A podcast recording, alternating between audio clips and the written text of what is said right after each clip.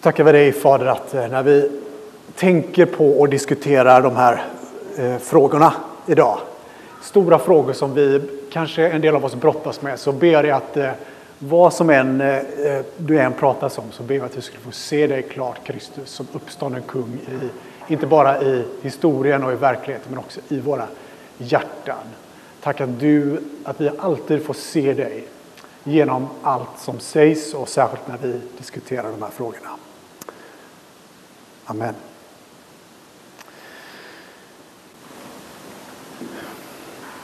Så vi är ju som sagt i en eh, serie som vi kallar Stora frågorna och nu är frågan Är alla religioner vägar till Gud? Och då en undertitel Kristendomens exklusiva anspråk. Är det någon som er som har eh, sett på den här serien på Netflix som heter eh, The Good Place? Bara kolla. Bara. Nej, okej, ingen.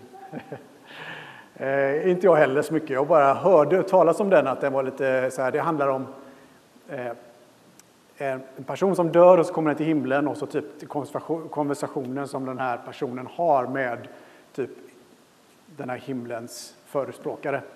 Och när då den här personen kommer och så sitter han och pratar med den här Mikael, eh, som ska vara någon referens till kanske någon ängel eller så. Eh, så typ får hon ställa frågor och så ställer hon en fråga så här. Det här, vem hade rätt egentligen? Vem hade rätt om eh, de här stora frågorna om eh, sanningsanspråken om, eh, som religioner säger och så där. Och då så svarar eh, den här personen att eh, ja, ungefär 5% av kristendom, hinduism och alla de hade 5 rätt, rätt ungefär. Och så var det en eh, kille som blev eh, hög på Mariana på 70-talet som gissade 92 rätt. Så det var bara ungefär som att säga, det är ungefär bara en slump att någon hade liksom slumpat rätt, men resten av alla religioner och idéer eh, var fel. Alla religioner trodde att de hade rätt, men det visade sig att de hade fel då, eller 5 rätt och 95 procent fel. Och de flesta eh, religioner och världsåskådningar har ju på ett eller annat sätt någon typ av exklusivt påstående. Att deras sätt och deras världsåskådning är den rätta. Och här är kanske kristendomens representanter mest ihärdiga i att säga att det finns ett exklusivt anspråk i den kristna läran. Men kan det inte vara så då att alla har lite rätt? Kan det inte vara så här att vi som säger att det finns en väg till Gud är rätt så arroganta? Så här sa, eh, vi kan få upp den här, eh, Hillary Clinton sa följande, vilket jag tror, på, eh, det har ett år sedan, i en intervju, som så här. A lot of young people are leaving the church in part because the way they understand what Christianity has become so judgmental, so alienating, that they think to themselves, well, I don't need that. Är det inte bättre att tona ner retoriken lite grann? Alltså inte hennes retorik, utan den kristna retoriken. Att det bara finns en väg. Så vad jag tänkte vi skulle göra här nu idag är att göra en liten utflygning, en sorts metabild av lite olika andra idéer. Och sen så kommer vi in på eh, vad kristendomen säger om eh, det exklusiva anspråket. Så om man ska definiera Gud så står det så här i eh, Nationalencyklopedin. Gud, något övernaturligt med avgörande inflytande över tillvaron i olika religioner. En sorts eh, generell förståelse för vad Gud är. Och den här, kan ta nästa slide, den här idén av att Gud är över allting, men vi kan inte riktigt veta vem han är. Universum är ungefär detsamma som naturen och därmed också Gud. Det här är panteism. Och panteism, där är Gud opersonlig och distanserad och därmed helt omöjlig att definiera. Ibland så är jag rädd för att kristendom kan falla in, alltså vår idé av vad kristendom är, falla in i någon sorts oidentifierbar massa där Gud förblir någon skapare längre bort, där han inte är engagerad in i vår verklighet. Och ibland så kan till och med kristen tro felaktigt förstås som panteism. Att allt är ju ändå Gud. Alla, allting som händer där ute kommer ändå leda fram till att man får möta Gud på något sätt. Vem man än tillber, vad man än gör. Och så finns det på nummer två på listan här, för att ni ska förstå sådana här metabild nu då, att det finns olika, så är det här liksom indelat i större eh, kategorier. I en polyteistisk gudssyn, poly är alltså många, teism betyder ju Gud, eh, gudsbegrepp. I den polyteistiska gudssynen är, är det som att i, i religioner som exempelvis hinduism och även faktiskt de antika religionerna som vi möter i Bibeln i den romersk-grekiska världen är också en polyteistisk gudssyn. Alltså att det finns många olika gudar som man kan välja sig, vända sig till i olika delar av livet. Så har man problem med någonting så går man och tillber den guden och så har man nästa år så kanske man ber för skörden och går man till en annan gud och så ber man. Och så finns det något som kallas moneteistisk syn. Det är alltså, mono är alltså en, monoteistisk, alltså någonting som är en, en gud i singular som uppenbarar sig i olika skepnader, då, antingen i kristendom, i judendom eller islam. Så de här tre är de stora tre världsreligionerna, ja, i alla fall de två största, islam och eh, kristendom. Ingår ju eh, judendom i, i de världsreligionerna, men de två största är ju islam och kristendom och där är det en monoteistisk gudssyn. Och så har vi nummer fyra, vi har buddhism, där finns det inget gudsbegrepp. Utan i eh, buddhism så saknas Gud och Buddhas lära handlar om hur vi människor ska leva för att slippa återfödas eh, Eh, och istället komma in i komma till det stora utsläckandet. Och så har jag en femma här eh, som, är, som, jag, som jag har döpt här till. Och det här är ju ingen religion som du förstår. Men det här är mer ett, liksom en förståelse kring vad vi, vilken, vilken liksom kultur och förståelse vi har i, vår, eh, i vår, vårt samhälle. En pluralistisk, individualistisk, postmodern kultur. Och jag skulle vilja hävda att det här till och med är, det är så nära en religion, jag kommer till det strax, så därför vill jag ändå ha med det här för att vi ska kunna förstå hur vårt, vårt samhälle tänker. Här, i den här, nummer fem här, kan man kombinera lite vad man vill. Så man kan kombinera exempelvis att vara buddhist och karriärist.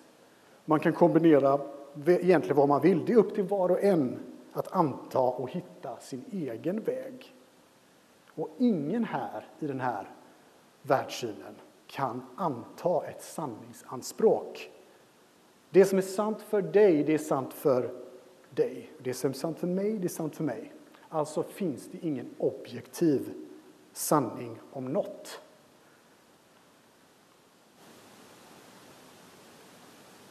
Den pluralistiska, individualistiska, postmoderna kulturen menar jag är vår typ av religion eller världsbild. Och här vill jag mena att vi själva sitter på Guds plats. Vi säger till oss själva, om jag bara hittar syfte, hopp och mening så, så går det bra, men jag behöver inom mig själv förstå detta. Vi behöver skapa i den här världen vår egen berättelse som vi själva ska komma på och som är viktigast för oss och är värd att fokusera på, kanske till och med om man använder begreppet tillbe. Så är detta då en väg till Gud? Ja, om man säger att man själv är Gud så skulle man kunna säga att det är så. Så för att göra den här stora bilden här nu så skulle jag vilja stanna till vid det här nummer tre, det monoteistiska. För är det nu så här då att de mon monoteistiska religionerna är sam, har samma Gud, det är ändå samma grej. Nej, jag tror inte det enligt Bibelns berättelse. För den bibliska berättelsen säger att det är bara, och här börjar det smala av, bara den judisk-kristna Elohim, alltså gudsbegreppet, som är Gud.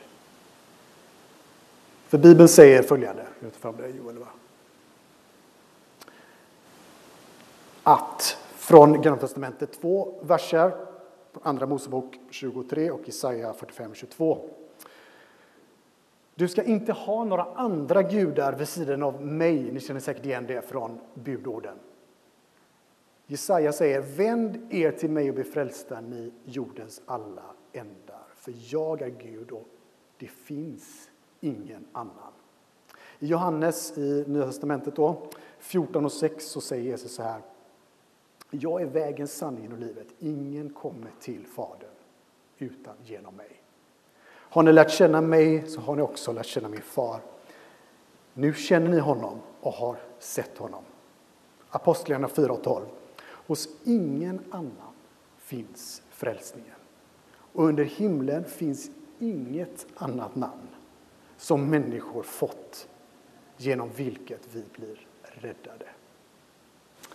Så varför är den kristna tron så exklusiv? Och det beror på det här, hela Bibelns berättelse riktas fram till Jesus som han säger. Så det beror på att Jesus säger de sakerna som han säger. Och här är kanske det viktigaste, när man pratar om apologi, apologetik som är liksom försvaret av den kristna tron, så skulle jag vilja säga att när det handlar om det exklusiva anspråk som Jesus gör om sig själv och den vägen som han visar på, så tror jag att kanske det här, och om jag skulle vilja säga någonting idag som du ska komma ihåg så är det det här stycket här nu. För visa mig gärna någon annan i historien som är som Jesus. Låt någon annan träda fram som haft en större påverkan på mänskligheten. Egentligen är det helt orealistiskt att en snickare från Nasaret, från civilisationens utkant som bara var verksam under tre år och avrättades som en brottsling kunde åstadkomma det han gjorde. Ställ gärna fram någon som är lik honom. Jämför honom med de bästa filosoferna. Jämför honom med de bästa rättvisekämparna. Jämför honom med alla andra kungar. Han lämnade den religiösa eliten svarslösa. Han gav nåd och hjälp till den som inte förtjänade det. Jämför honom med andra religiösa grundare och författare till världsåskådningar. Jämför honom med andra så kallade gudar. Lyssna till vad han sa i evangelierna. Ingen kunde tala som honom. Jämför gärna hans moral och etikundervisning. Jämför gärna hans oskyldiga avrättning. Jämför gärna hans uppståndelse från graven. Jämför honom gärna med de bästa vi har under 1900-talet, exempelvis. Jämför honom gärna med Moder Teresa, Martin Luther King, Bill Gates, Obama, Elon Musk, om du tycker han är frälsare, som många tycker. Han tål att jämföras. Visa mig någon som är som honom.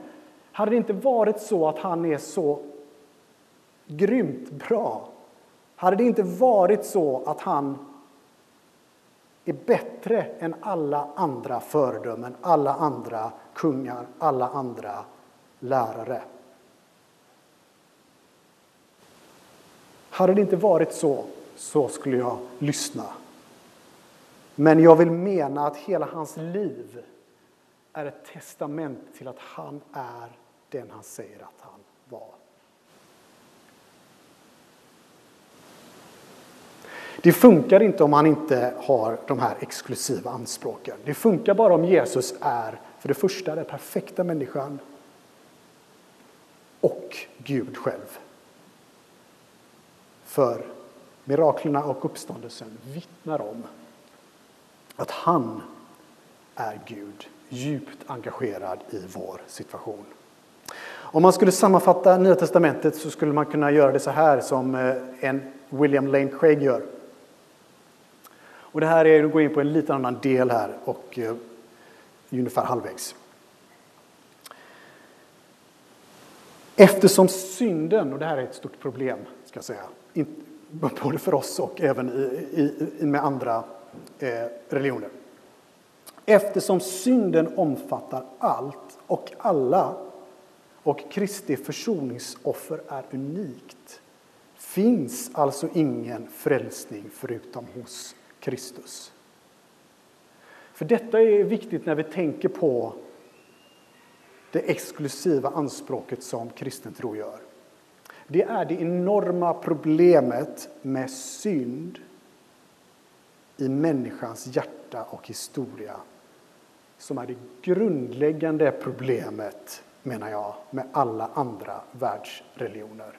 Det finns helt enkelt ingen bra lösning på människans problem med synd i andra religioner. Det finns, alltså berättelsen, om man ska göra en väldigt överflygning, hade varit, varit så här ungefär. Eh, när du märker att du själv inte gör bra grejer, så fortsätt göra ännu mycket bättre. Här får du en, en eh, manual, en instruktion, och så gör du de här sakerna, så kommer du få pluspoäng och det kommer att räknas i slutändan.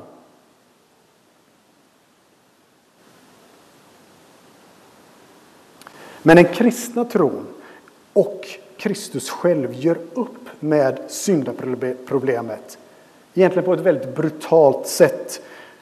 Gud låter sig, som ni vet, men jag påminner er, offras som en lösning på syndaproblemet. Och den kristne får liv igen genom den uppstående guden som inte bara dog utan lever för de sina och för alla som tar emot den fria gåvan. Kristen tro är inte exklusiv i den meningen att det bara är eliten som får hänga med till himlen och få följa Kristus. Nej, alla är inbjudna till bröllopsfesten. Och därför är Jesu liv och Nya testamentet en öppen inbjudan till alla att hänga med. Men den är exklusiv på det sätt att Gud inte genom Bibelns berättelse accepterar flera vägar till sig själv. Ingen människa enligt Bibeln kan runda korset. Inför korset blir vi alla stående som syndare. Och det finns ingen väg förbi. Och jag tror att om man ska läsa, om man ska tänka hur det skulle kunna blivit en gång när alla människor dör och kommer till, eh, till inför tronen och deras liv ska avhandlas och det här har du gjort, det här har du inte gjort och det så här. Så är korset det som de kristna hade sagt. Jag kastar mig på korset. Vad menar jag med det? Jag menar att korset visar att alla mina fel som, jag, som finns här i de här böckerna och grejerna, allt det tillfaller korset. Allt det tillfaller korset för att också livet ska kunna komma till en människa så är korset det enda stället där vi kan få förståelse för vad synden gör och gör med Gud. Så jag vill insistera på att synden är ett jättestort problem. Det är så stort problem att vi måste ha någon som ordnar det. För att när vi ska självhjälpa oss själva genom andra religioner, filosofier och världssyner så funkar det inte.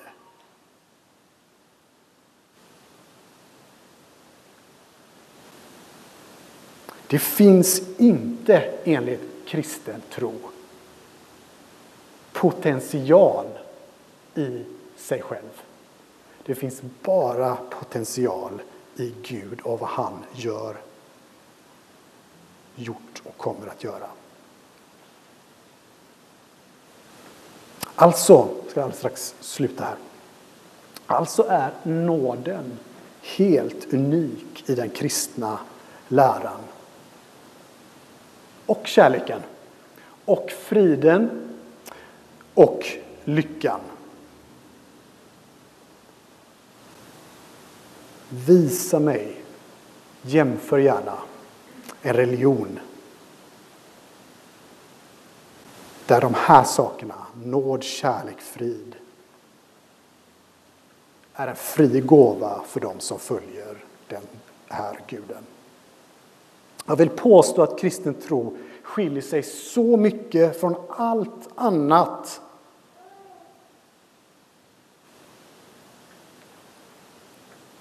att det är det bästa erbjudandet någonsin. Men det bästa erbjudandet någonsin är inte lättast någonsin. Det kommer inte vara så här, Fine, väljer vi alla de här, eh, vi har det här smörgåsbordet. Ja, men det där med kristen tro, det verkar, det verkar som att det verkar den enklaste vägen. Det är inte min erfarenhet och jag tror inte så många som följer Kristus tänker så.